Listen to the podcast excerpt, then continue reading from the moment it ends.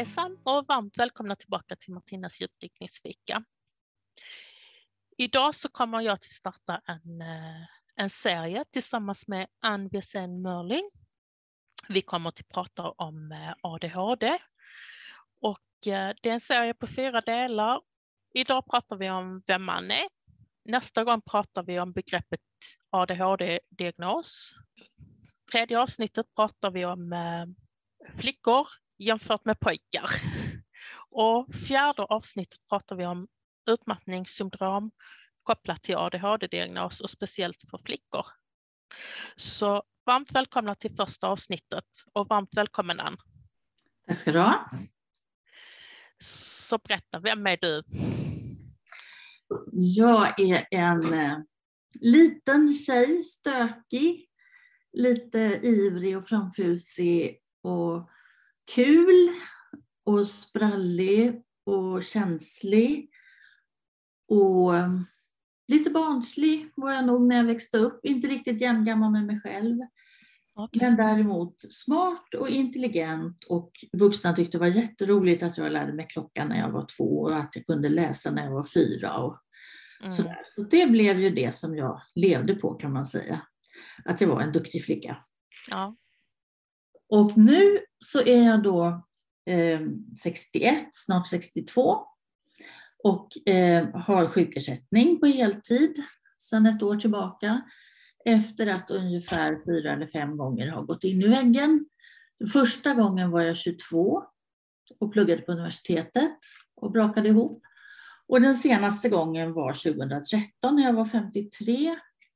Då hade det varit väldigt knackigt ett år innan och sen så eh, kraschade alltihopa och sen blev jag sjukskriven. Och så har jag fått byta mediciner och gå i terapi och så sa min läkare att du kanske har du funderat på om du har ADHD-diagnos? Eller har du gjort någon sån utredning? Nej, sa jag, men eftersom jag är neuropsykolog så, så har jag ju koll på, jag uppfyller inte huvudkriterierna för det, de här A-kriterierna som det heter, utan jag, jag, pratar för mycket och är för ivrig och kör bil för fort och, och gör saker utan att tänka efter ibland. Men, men de här huvudkriterierna, att jag aldrig kommer igång med mina saker, att jag aldrig lämnar uppgifter i tid och att jag inte gör färdigt saker och att jag aldrig kommer i tid och att jag tappa bort alla mina saker och inte ha grejer med mig. Det uppfyller jag inte.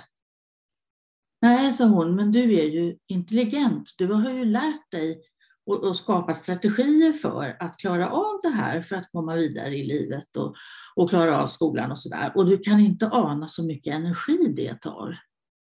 Sådana duktiga flickor brukar gå in i väggen sådär vid 20. Ja, ja just det, jag var 22. Aha. Första gången. Det var spännande. Mm. Mm. Um, så då, då var du ganska gammal när du, eller men du var ju vuxen när du fick uh, din ADHD-diagnos. Nej, ADHD fanns inte när jag var liten. Det ska vi prata mer om när vi pratar om diagnos och det kommer också fram när vi pratar om skillnaden mellan flickor och pojkar med neuropsykiatriska funktionsvariationer. Ehm, men det var ordning och reda och ganska tyst i klassrummet och man hade väldigt väl avgränsade uppgifter att göra och så. Och sen att, att man var stökig och känslig och blev mobbad och sökt på tummen för länge och så, det var inte något som som liksom oroade någon egentligen på den Nej. tiden. Så det var inte från liksom det var, du var vuxen som man såg symptomen? Alltså jag hade ju depressioner hela, hela tonårstiden. Jag orkade ju inte gå i skolan. Nej. Åtminstone inte alla dagar i veckan. Um, och jag hade ganska lång resväg till skolan också, så att eh, det, då var det extra jobbigt. Och mycket spänningshuvudvärk och jag mådde illa och var rädd för att kräkas och jag var, hade ont i magen. Och det var jättemycket sådana här andra saker. Jag blev utredd för migrän och sådana saker tittade de ju på, om det kunde vara något. Ehm, mm. Och sen så fick jag, har jag ju då ärftligt, både på min mammas och pappas sida, depressioner i släkten. Så att när jag var 22 så fick jag antidepressiva och sen har jag provat mig fram med olika sorter. Och det tog ungefär tio år från den här kraschen när jag var 22 tills jag tyckte att jag nog hade ganska bra koll över tillvaron och, och kunde planera igen. Okay. De första åren vågade jag inte gå någonstans utan pengar till taxi hem. Jag vågade aldrig vara borta någonstans över natt. Jag vågade inte utlova att jag skulle klara av att leverera något föredrag eller någon speciell grej vid någon viss tidpunkt. För jag kunde inte veta hur jag skulle må då eftersom jag inte visste hur jag mår om en kvart. Nej, det är sant. Så att eh, det tog, tog sin tid verkligen. Ja. Och sen så just det här med de här strategierna då. Jag kallades för lilla fröken ordning. Jag höll ordning på både mig och mina medarbetare eh, med listor och, och bokningar och scheman och, och register och, och ja. helt tomt blåst skrivbord och alla, alla sorterade saker. Jag jobbade på ett kontor i Stockholm på bostadsförmedlingen som då var för hela Storstockholm. Och om jag var förkyld i fyra dagar fick jag gå runt på hela avdelningen och hämta mina pennor och mina register över bostadsvärdar och allt sånt där. För det var mycket enklare att hitta mina än att hitta sina egna. Så alla visste var jag hade mina. Okej. Okay. dem. Ja. Mm. Där var det lätt att hitta. Mm. Alltså jag, jag, känner igen det lite. Min ena dotter hon är väldigt också så här ordning och när hon var, alltså hon var inte så gammal när hon liksom skulle hjälpa andra. Att, nej, så, tar man, så häller man inte på ketchupen på pastan. Och, mm. Alltså väldigt så här, det ska vara på ett speciellt... Mm. Mm. Men samtidigt hade jag ju världen, det såg ut som man hade kört med elvisp i mitt rum under hela ja. min uppväxt. För att det blev för övermäktigt direkt. Va? Min mamma sa, nu har du en halvtimme, nu får du städa ditt rum. En halvtimme, jag behöver en hel helg. Jag måste börja med suddgummina och pennorna och så måste varje penna vara vässad och så ska det liksom vara rent i varje låda måste det vara ordning mm. och så. Och det är klart att det systemet tar ju jättelång tid. Ja. Mormor hjälpte mig att ordna det en helg. Men alltså där städa på en halvtimme som brorsan gjorde, stoppa in allt under sängen och i sina skrivbordslådor. Det var ingen lösning för mig. Nej. För att jag ville ju inte ha kaos, jag ville ju ha ordning egentligen. Ja precis. Mm. Var du sån också att du drog fram massor med grejer för att kunna städa? Ja, oh ja absolut. Mm. Eller jag la aldrig in dem någonstans därför jag tänkte att de ska inte vara där eller där de ska vara är inte riktigt klart än. Nej. Jag är fortfarande så. Jag blir alldeles till mig när jag ser nya register och förvaringslådor och sånt som det finns på alla möjliga olika varuhus nu för tiden. Åh, ja. så behöver jag nog för några stycken. ja, precis. Några stycken sådana. Ja. ja. Men hur ser ditt liv ut idag? Idag är det så att jag faktiskt har, en, som jag har kommit på, en antikropp. Vi kämpar, mitt huvud och jag. Kroppen har jag egentligen haft som stativ till huvudet hela livet. Jag har inte egentligen tyckt att det var jag. Och aldrig tyckt att det var särskilt roligt med att röra på mig eller sådär, utan jag har burit runt huvudet. Mm, okay. Det är det som har räknats. Ehm, men nu då efter de här utmattningarna och så, så har jag väldigt begränsad räckvidd. Alltså jag orkar egentligen för lite saker mm. mot vad jag vill. Och det känns fortfarande som att bara jag har tillräckligt med tid. Men jag kan ha tillräckligt med tid, men jag orkar inte använda den. Mm. Och så lägger jag in saker som jag ska göra och så blir det för mycket. Och, nu, och då säger kroppen ifrån. Mm.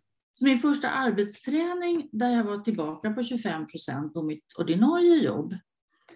Eh, där var det plötsligt så att jag fick ischias och när jag skulle gå ut från en affär, som här i Lund är det så att det är trappsteg till i stort sett alla affärer överallt. Och jag gick ner de här två trappstegen och plötsligt försvann ena benet under mig. Oh, Gud, ja, det, den är hemsk. Och då var jag på väg till min läkare och terapeut och så sa jag det till henne att min kropp vill säga mig något. Den tycker att jag lägger på mig för mycket. Mm, så hon, så är det. Men det var, tog ju flera månader att bli av med den där ja. som det var. Och eh, nu senast fick jag problem med luftrören och då ringde jag eh, i fredags, så ringde jag 1177 och sa jag har svårt att andas och jag har ont i bröstet och jag har inte varit förkyld så jag vet faktiskt inte vad det här är. Hur länge har det varit? Alltså de? Ja, ett par timmar kanske. Jag har inte somnat och klockan var väl fem eller sådär. Nej, men då, ska du, då, då måste du ringa 112. Då måste de komma med, då får du inte gå upp och då får, måste vi komma med ambulans och de får kolla ordentligt för det och du är 60, över 60 och, och det, det, är inte något att leka med. Så hela fredagen var jag på akuten. Ja. ja. Och det var nog luftrören, men de fick ju kolla både propp i lungan och om det var hjärtinfarkt smygande så som det kan vara hos mm. kvinnor. Och så där. Så kroppen försöker att tala om för mig. Ja, det, det, det känner jag igen. Så mm. är det här också. Jag har ju utmattningssyndrom. Mm. Och ehm, ja, sen så fick jag en hjärntumör på det. Och efter det, efter jag, blev, efter jag blivit opererad, så, så alltså kroppen har verkligen nu, nu, nu är det ju lyssna som gäller. Mm. För att nu är signalerna så tydliga. Det är så precis som du säger, liksom mm. att benen viker sig och så. Mm. Så att, ja, men det var ju en liten parentes till. Ja, men, men det, alltså just det här med att det, ibland de här neuropsykiatriska grejerna hänger ihop med eh, att man har lite svårt med motorik och, och sådär och samordna rörelser och så här. Jag har alltid blåmärken. Mm. Överallt. Jag bryter av alla naglar. Plötsligt är jag bara där och slår i någonting och, och, och missar att oj, det här var mycket trängre eller jag går in i en halv dörrpost eller för att jag siktar fel eller så.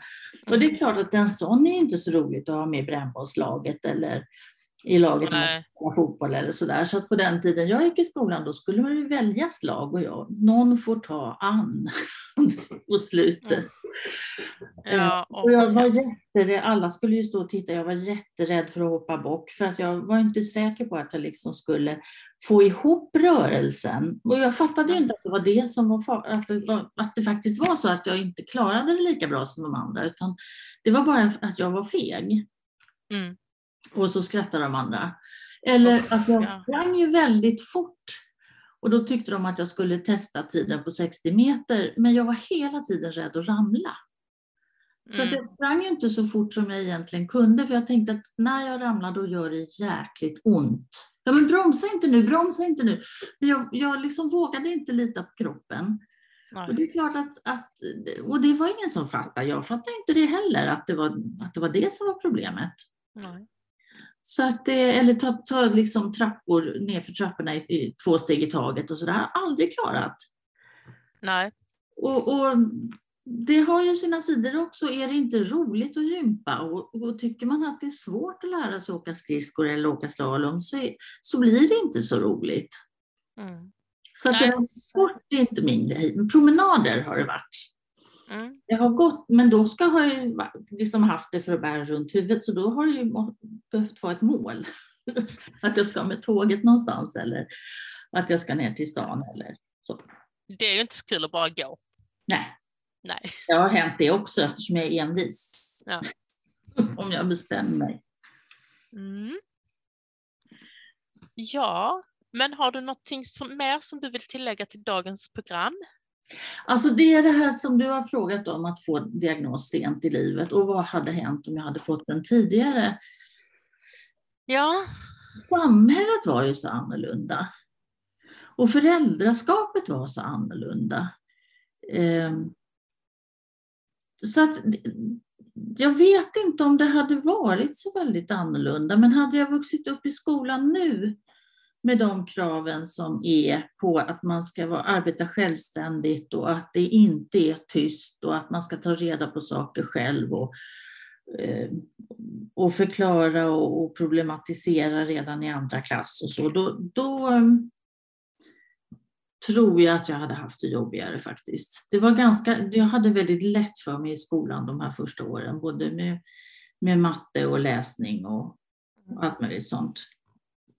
Så det, det, det, var nog rätt okej. Men, men socialt och, och med kompisar och sådär hade det kanske varit bra att veta lite mer.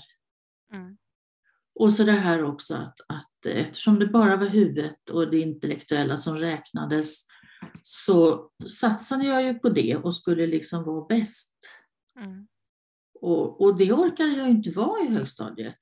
För då blev det för jobbigt så då orkade jag liksom inte riktigt med skolan och då blev det inget kul. Och, och, och så var det ju sådana här saker som att eh, om jag var, tyckte något var riktigt roligt, nu, nu, nu, nu, nu så får du sluta prata. Och, och här, nu räcker vi upp handen innan vi svarar och sådär. Och det, det var ju svårt för mig. För jag ville ju så gärna berätta och vara först och, och, och svara och sådär, vara duktig. Ehm, eller också när det var något som var tråkigt eller som jag inte riktigt var så bra på. Så, du som är så oförskämt begåvad, om du bara gjorde dina läxor och hörde på på lektionerna, då skulle du ha bra betyg i alla ämnen och inte bara i det som är kul. Ja. Och, och det säger man kanske inte riktigt längre. Men Jo då. Ja. jo, jag vet händer. Men, men alltså, det är väl sådana saker som jag kan tänka att det hade nog blivit annorlunda om man hade vetat det. Ja. Jag tänker också att om man hade vetat och man hade gjort anpassningar så hade du kanske inte behövt bli utbränd redan vid Nej, 22. och framförallt så hade jag kanske insett att man inte måste vara bäst. Jag kanske inte hade blivit forskare och dubbeldisputerad. Eh, för det tänkte jag inte. Utan jag tänkte att min pappa kommer ju aldrig ikapp. Han kan allt och vet allt och förstår allt. Och, och, och så, det, dit kommer jag aldrig till hans nivå. Så att jag ville satsa på något annat. Jag ville bli diakon och jobba med ungdomar i, i kyrkans regi. Och, Jaha. och, och kanske i och för sig bli psykolog, men i alla fall inte forskare. Nej. Och jag hade nog lyckats att hålla mig till den linjen om jag inte hade haft en handledare som gärna satsade på mig och som såg mig eh, som person också och som sa det att ska du inte prova lite i alla fall? Du tycker ju att det är så kul. Hade han sagt för du är så duktig och du är lovande och sådär, då hade jag kunnat försvara mig tror jag. Mm. Ja. Men att det var för min egen skull, för att det, det lyser Det om dig när du kul. sitter och så. Det här, du tycker det är så roligt. Då, då var det ju lockande, visst var det det? ja, men det är klart. otrygg tillvaro. Så, Det så förstår det. jag. Ja. Och så händer det en massa saker på vägen. Men jag har aldrig, aldrig lyckats planera mitt liv. Jag har hoppat på isflak och det har dykt upp chanser och jag har tänkt att den chansen får jag aldrig igen. Och om de bara visste vem jag egentligen är, då skulle de aldrig fråga. Så det är bäst jag tar den. Mm. Till exempel hamna i Lund, fast jag precis hade köpt lägenhet i, i Täby där jag trodde att jag ville bo hela livet. Okej, ja, ja. Och det Ja. är 35 år sedan. Jag skulle bara vara här i tre år. Jag kunde ju flytta tillbaka sen. Men det. Men det, det är väl lite spännande tänker jag. Mm, ja, jo, det har väl blivit ganska bra. Tänker, det livet, livet har väl blivit lite händelserikt kanske? Ja, ibland lite väl händelserikt tror jag. Det kanske Mm. hade varit bra att utveckla andra sidor och göra andra saker och inte, inte behöva kämpa så himla hårt. Det har ju varit ganska mycket uppförsbacke trots allt Mm. genom åren.